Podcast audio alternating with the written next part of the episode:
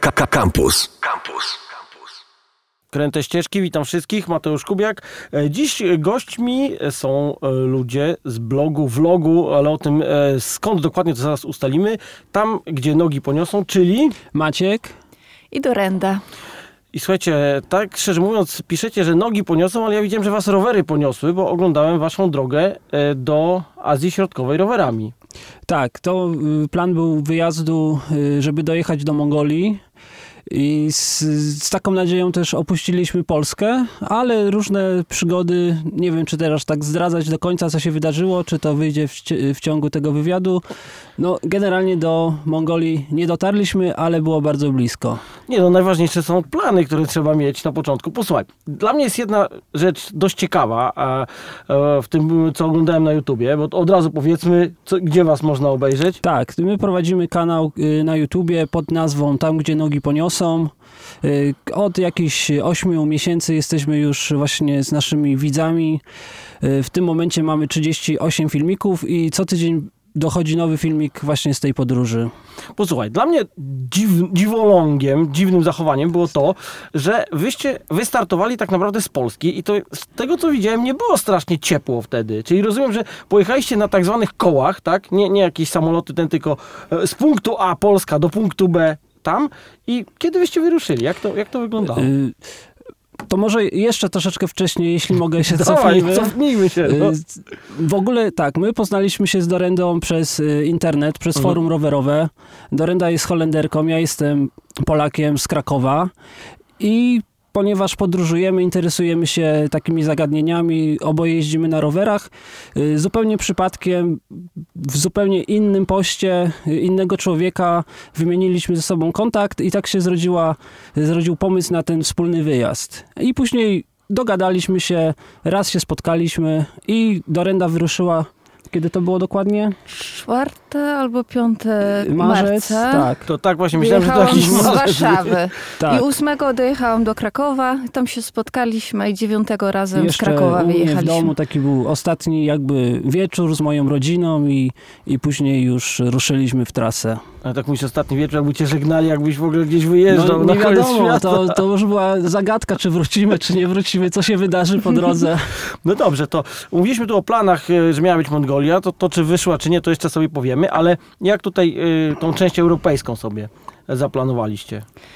Y, Przez Europę chcieliśmy przejechać jak najszybciej, bo jak już mówiłeś, było jeszcze dosyć zimno y, i... Mi to się powiem, że zimno robiło, jak oglądałem tego YouTube'a waszego, jak wy No. śpicie w namiocie oszronionym niemalże. No w na- na- namiocie nie było najgorzej, bo tam mieliśmy śpiwory, ale w ciągu dnia po prostu jak robiliśmy przerwę, to było za zimno, żeby długo siedzieć. Więc jechaliśmy po prostu bez, bez dłuższych przerw.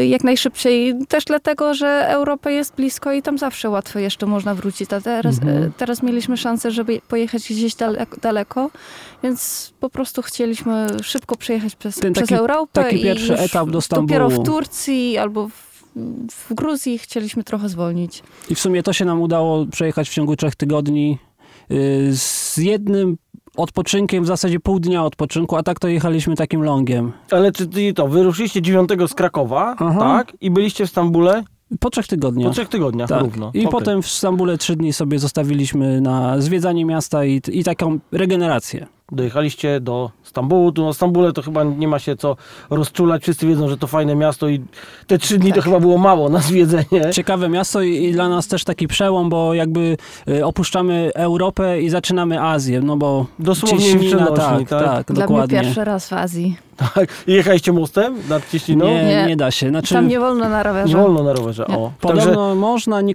komuś się tam udało, ale myśmy nie próbowali, bo czyli co, statkami, normalnie promami Tak, na promami. stronę. Dobra.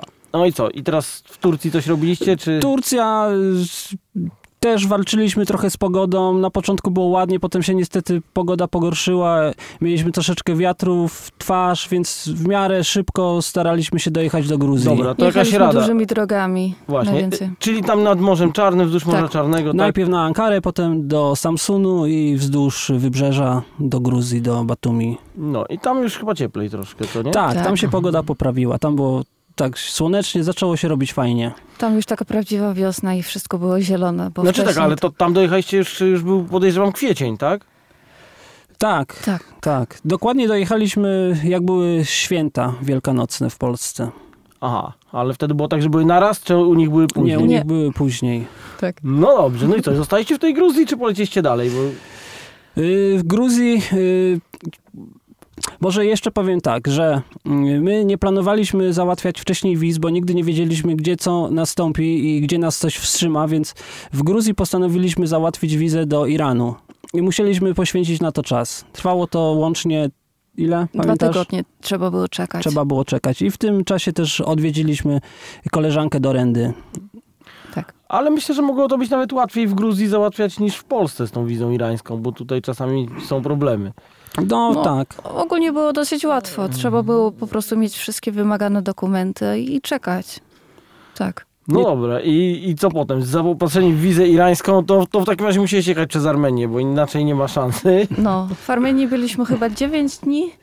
Ale I- te- też jadąc cały czas, czy Jadąc. coś zwiedzaliście? Jadąc, jadąc, tylko że y, tam też dużo byliśmy u ludzi. Tam w ogóle nie spaliśmy y, w namiocie. Y, tam noc. nie jedli, sami nie gotowaliśmy. I, Ale to i- cały czas was zapraszali? cały czas nas zapraszali. Tam to po prostu tak ekstremalnie gościnni lu- ludzie są. Jedną noc spaliśmy jedynie przy takiej restauracji przy drodze, ale to i tak w zadaszonym miejscu, a tak to zawsze nas ktoś zapraszał. Przez cały czas w Armenii nie wydaliśmy, wydaliśmy 80 groszy chyba na lody. A poza tym to musieliśmy po prostu się starać, żeby wszystko zjeść, co nam na, jeszcze dali na drogę. Ja musiałem wydać na, na klocki hamulcowe, no ale to jakby A no tak. nie, nie wliczajmy w tego w takich bezpośrednich kosztów podróży. A jakimi rowerami jechaliście w ogóle? Jakiego typu? Ja mam stary rower, taki sprzed 20 lat, rama stalowa, ale po, po generalnym remoncie. Ale o tych rowerach to można by osobną audycję zrobić, więc No, no mój jest nowszy, ale to jest taki trekkingowy, to się chyba nazywa. Ogólnie po prostu przystosowany do podróży. No to chyba na jest, trekkingach najlepiej to, to taką podróż ma dużo przerzutek, zrobić. jest mocny, dużo miejsca na bagażniki. I o to chodzi. No dobrze, a y, zdążyliście coś zobaczyć w Armenii, czy też ją traktowaliście tak tranzytowo i żeby lecieć jak najdalej? Troszeczkę tak, troszeczkę się udało. Byliśmy w Erewaniu i tam w pobliżu znajduje się taki kompleks klasztorny, który warto zobaczyć. Tam jest najstarsza cerk- y, cerkiew y, W Armenii. w Armenii. Jeszcze jakieś inne małe cerkiewki przy drodze widzieliśmy. Takie y, już pół ruiny, ale, z, Ale najwięcej, z, bardzo najwięcej stare, z zwiedzaliśmy 5-6 rodzin. wieku. Tak.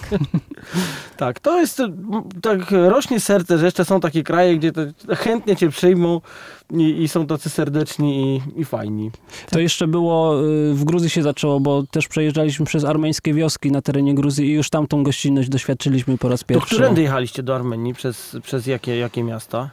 Y, Od razu z, z Batumii, czy nie? Byliście Nie, w z Tbilisi? Nie, z Tbilisi jechaliśmy y, w stronę Armenii.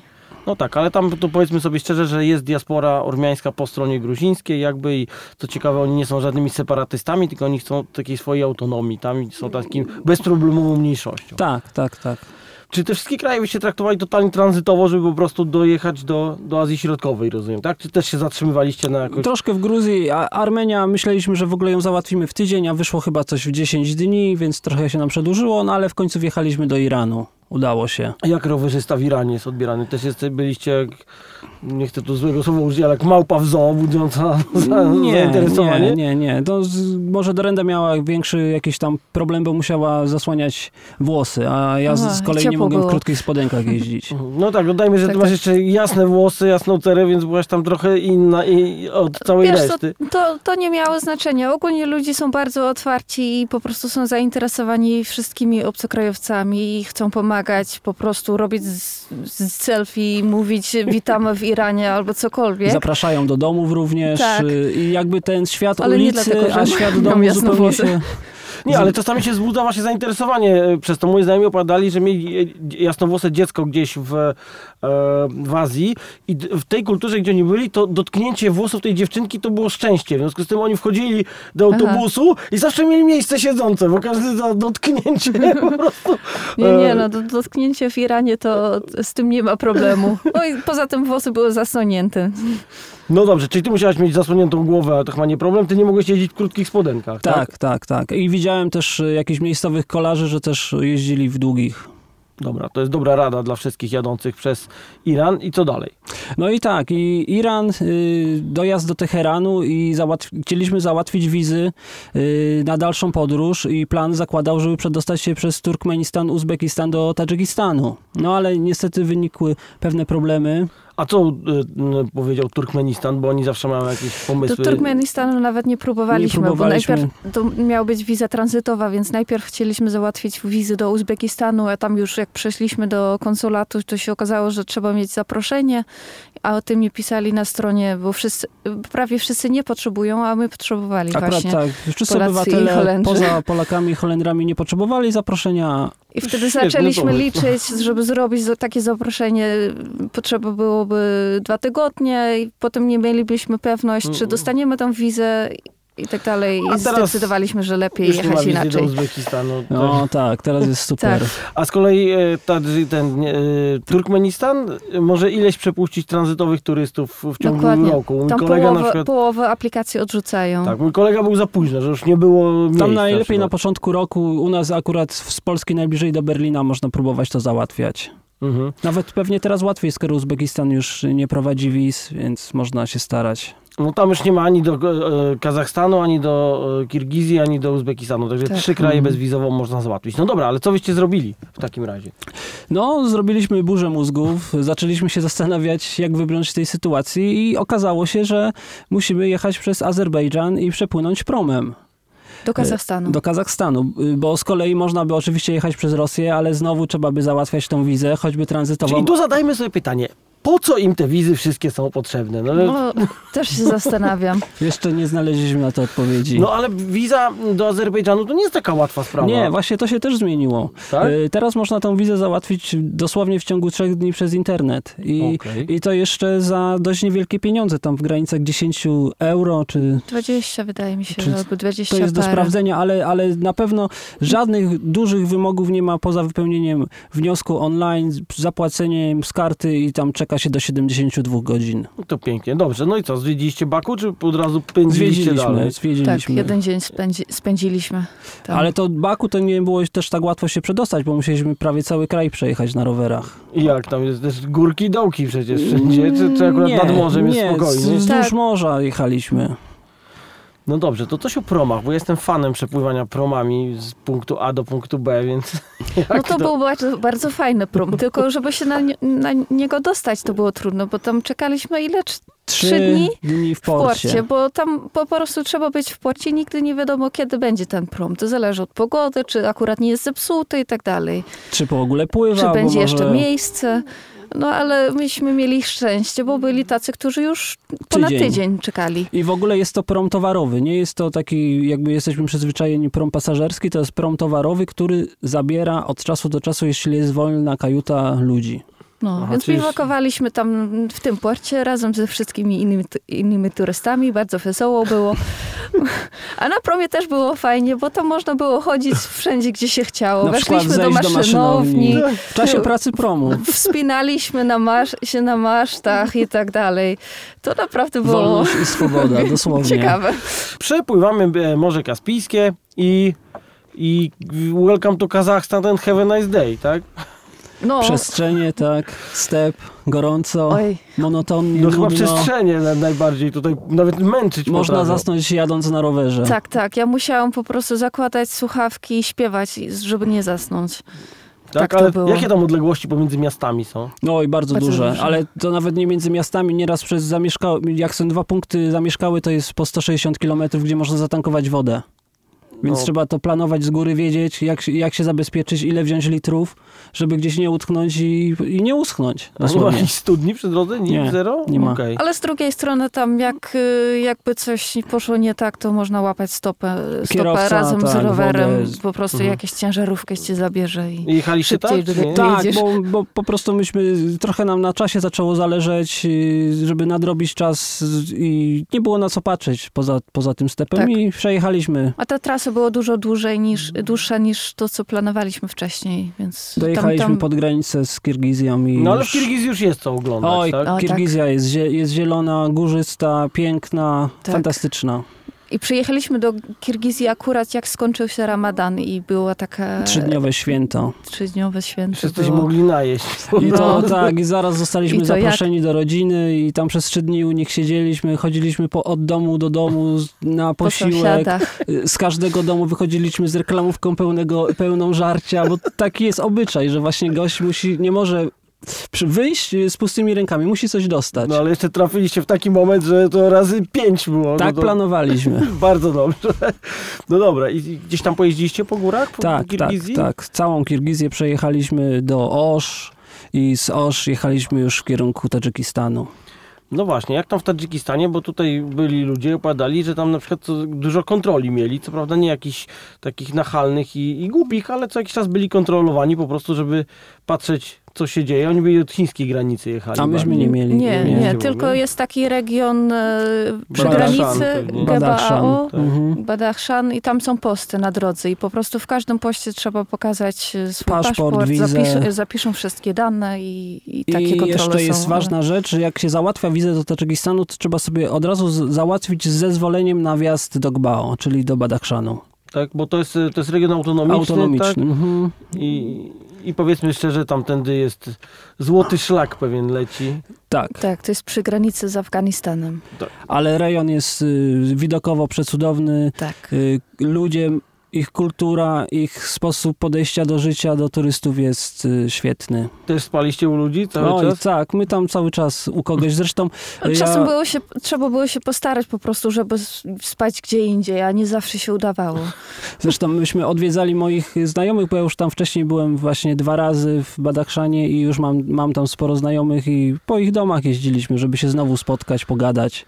Ale słuchajcie, ale tam dość duże wysokości są, więc tam jak byście dawali radę, wjeżdżając na te tam parę tysięcy metrów czasami może być, Tam tak? mieliśmy najwyższy punkt na tej trasie przełęcz pię- z 4655 55. metrów. No Tak. i jak? No ale już byliśmy trochę wyćwi- wyćwiczeni po kilku miesiącach na rowerze. A więc klimatyzacja też Tak. tam w ciągu dwóch tygodni powolutku sobie podjeżdżaliśmy. to- Nie podjeżdża się w ciągu jednego dnia, tylko... Czyli co, czyli spokojnie, po takim jeżdżeniu górka dołek, Tak. w sumie w Kirgizji też są duże wysokości. Tam większym problemem w jeździe to była mm, taka tarka na drodze, że po prostu nie było asfaltu, nie było szutru, tylko zrobione takie, tak jakby fala, można sobie to wyobrazić i tam się strasznie koło telepie, nie można się rozpędzić, w ogóle ręce, szyja, wszystko boli. Wysokość przynajmniej dla mnie nie była jakimś większym problemem. W pewnym momencie czuć było, że szybciej się, trzeba od- oddychać po prostu, ale, ale poza tym z aklimatyzacją nie było problemu. Ale zaczęły się też wiatry i to takie dość solidne, że w pewnym momencie musieliśmy w połowie dnia zrezygnować z dalszej jazdy, bo nawet ciężko było prowadzić rower w dół. No, naprawdę. Musieliśmy się chować za skałami. Na szczęście udało się taki, taki osłonięte miejsce znaleźć, gdzie mogliśmy namiot rozłożyć, bo inaczej nawet byłby problem ze, z noclegiem, bo to już było na takim bezludziu. No to ładnie. A w ogóle jak tam, z, ile wsi jest, y, jak, są rozrzucone, jak to wygląda? Macie ten, y, jakąś ciągłość Znaczy, tam jeszcze- też co, W co dolinach kilkadziesiąt? jest dosyć dużo wsi, ale, ale jak się przejeżdża przez wyższe góry, to, to jest dużo mniej. Czyli doliny, przejeżdżasz przez góry, nikogo nie ma, wjeżdżasz do doliny i, Tak. i są ludzie, Tak, tak? i później też jest y, taka ciekawostka, że już y, coraz mniej mieszka tam y, Tadżyków czy tych Pamirców, a zaczynają się Kirgizi. Na terytorium jakby tego... No powiedzmy sobie, że tam jest tak skomplikowane etnicznie jak na Bałkanach mniej więcej, Mhm. że tam potrafią być wioska tych, wioska tamtych i po prostu to... Na to przykład się... jest tam taka miejscowość Aliczur, gdzie połowa to są właśnie y, Pamircy, a połowa to są Kirgizi i sobie zupełnie swobodnie żyją, nie, nie dochodzi do żadnych problemów między nimi. Ja mam kolegę na przykład Tadżyka, który jest z Samarkandy i on twierdzi, że Samarkanda to jest w ogóle tadżyckie tak, do, miasto. i dokładnie. Ja też mam znajomych, którzy mieszkają w Duszanbe, ale pochodzą właśnie z Samarkandy. No, niegdyś historycznie należało to do Tadżykistanu. Nie, musimy kończyć, bo pewnie wycieczka e, trwała, właśnie ile trwała wycieczka? Osiem miesięcy. 8 miesięcy. Czyli wyjechaliście w marcu. W marcu, a do Krakowa dojechaliśmy 11 listopada. O, no to naprawdę poważna ta wycieczka. Dobra, ale jesteśmy teraz w...